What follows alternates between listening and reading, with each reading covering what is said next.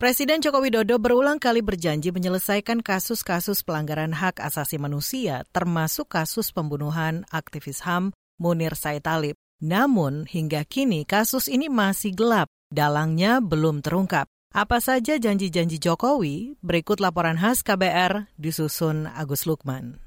Presiden Joko Widodo terus ditagih janjinya oleh kalangan masyarakat sipil dalam menuntaskan kasus pembunuhan aktivis hak asasi manusia Munir Said Talib. Janji Presiden Joko Widodo pernah disampaikan beberapa kali saat kampanye pemilu Presiden 2014. Pada Oktober 2016, dua tahun saat menduduki kursi Presiden, Joko Widodo memerintahkan Kejaksaan Agung mengusut keberadaan dokumen hasil kerja tim pencari fakta kasus Munir. Tim ini merupakan bentukan Presiden Susilo Bambang Yudhoyono pada 2004. Laporan diserahkan tim kepada Presiden Susilo Bambang Yudhoyono pada 2005. Namun hingga kini laporan itu tidak pernah diumumkan hasilnya secara resmi oleh pemerintah ke publik. Dokumen pun kemudian dinyatakan hilang. Sudah saya sampaikan, sudah saya perintahkan pada Jaksa Agung untuk mencari dan melihat di mana hasil dari tim pencari fakta itu. Karena di Menseknek, di Seknek memang tidak ada. Pada Agustus 2018, terpidana pembunuh Munir Polikarpus Budiari Prianto dinyatakan bebas murni dari hukuman 14 tahun penjara. September 2018 atau kurang dari setahun sebelum Jokowi maju lagi untuk pemilu presiden, Kapolri saat itu Tito Karnavian untuk mengusut lagi kasus pembunuhan Munir. Perintah diteruskan ke Kepala Badan Reserse Kriminal Mabes Polri saat itu, Arif Sulistianto. Kasus Munir kan sudah beberapa berkas selesai ya, sudah selesai.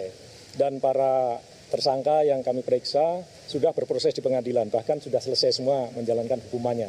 Ya kita akan terus pelajari sampai endingnya di mana gitu ya. Nama Muhdi Purwo Pranyono kerap disebut-sebut sebagai dalang di balik pembunuhan Munir. Saat Munir terbunuh, Muhdi PR menjabat Deputi 5 Badan Intelijen Negara BIN. Pada 2012, Hakim memfonis bebas Muhdi PR dari kasus Munir. Keluarga Munir menyebut sejumlah orang menarik kesaksiannya di pengadilan sehingga Muhdi diputus bebas. Pada 2021, keluarga Munir mendatangi Kejaksaan Agung untuk menyerahkan bukti baru. Bukti itu adalah keputusan Komisi Informasi Pusat KIP yang isinya pengakuan dari BIN terkait Polikarpus dan Muhdi PR. Istri Munir, Suciwati mengajukan bukti baru itu agar Kejaksaan Agung membuka kembali penyelidikan kasus Munir yang mandek bertahun-tahun. Klaimnya si Mugdi di pengadilan yang membuat dia salah satu poin yang membuat dia bebas itu karena waktu uh, komunikasi krusial di antara uh, pelaporan uh, keberhasilan pembunuhan Ca dan kemudian melaporkan bahwa sudah sudah selesai dan sebagainya itu dia menyatakan di Kuala Lumpur padahal tidak pernah ditugaskan oleh pihak BIN dan itu buat kita itu bagian bisa dijadikan novum. Sayangnya respon Kejaksaan Agung saat itu mengecewakan keluarga Munir. Suciwati juga lelah menagih janji-janji Jokowi. Di lain pihak, kalangan aktivis mempertanyakan sikap pemerintahan Jokowi yang tidak serius mengusut kasus Munir.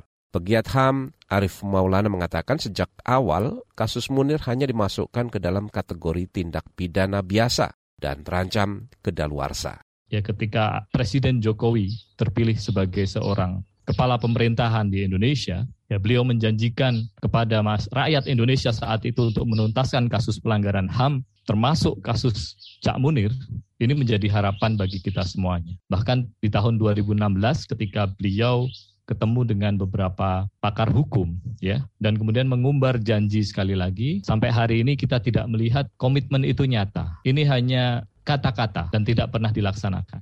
Salah satu kunci pengusutan kasus Munir adalah rekomendasi dari tim pencari fakta kasus Munir pada 2005. Salah satu rekomendasi dari tim adalah memeriksa bekas kepala BIN Abdullah Mahmud Hendro Priyono atau AM Hendro Priyono dan Muhdi Purwo Pranyono atau Muhdi PR. Hendro Priyono dan Muhdi PR dinilai terkait dengan pembunuhan Munir sejak ditemukannya berkas rencana pembunuhan Munir di lingkungan kantor BIN. Namun hingga kini Hendro Priyono tidak pernah diperiksa oleh aparat penegak hukum. Hendro Priyono juga kerap disebut dekat dengan Presiden Jokowi. Anak Hendro Priyono, yaitu Dias Hendro Priyono, saat ini bahkan menjadi staf khusus Presiden Joko Widodo. Demikian laporan khas KBR, saya Agus Lukman. Kamu baru saja mendengarkan news wrap up dari KBR Prime. Dengarkan terus kbrprime.id, podcast for curious mind.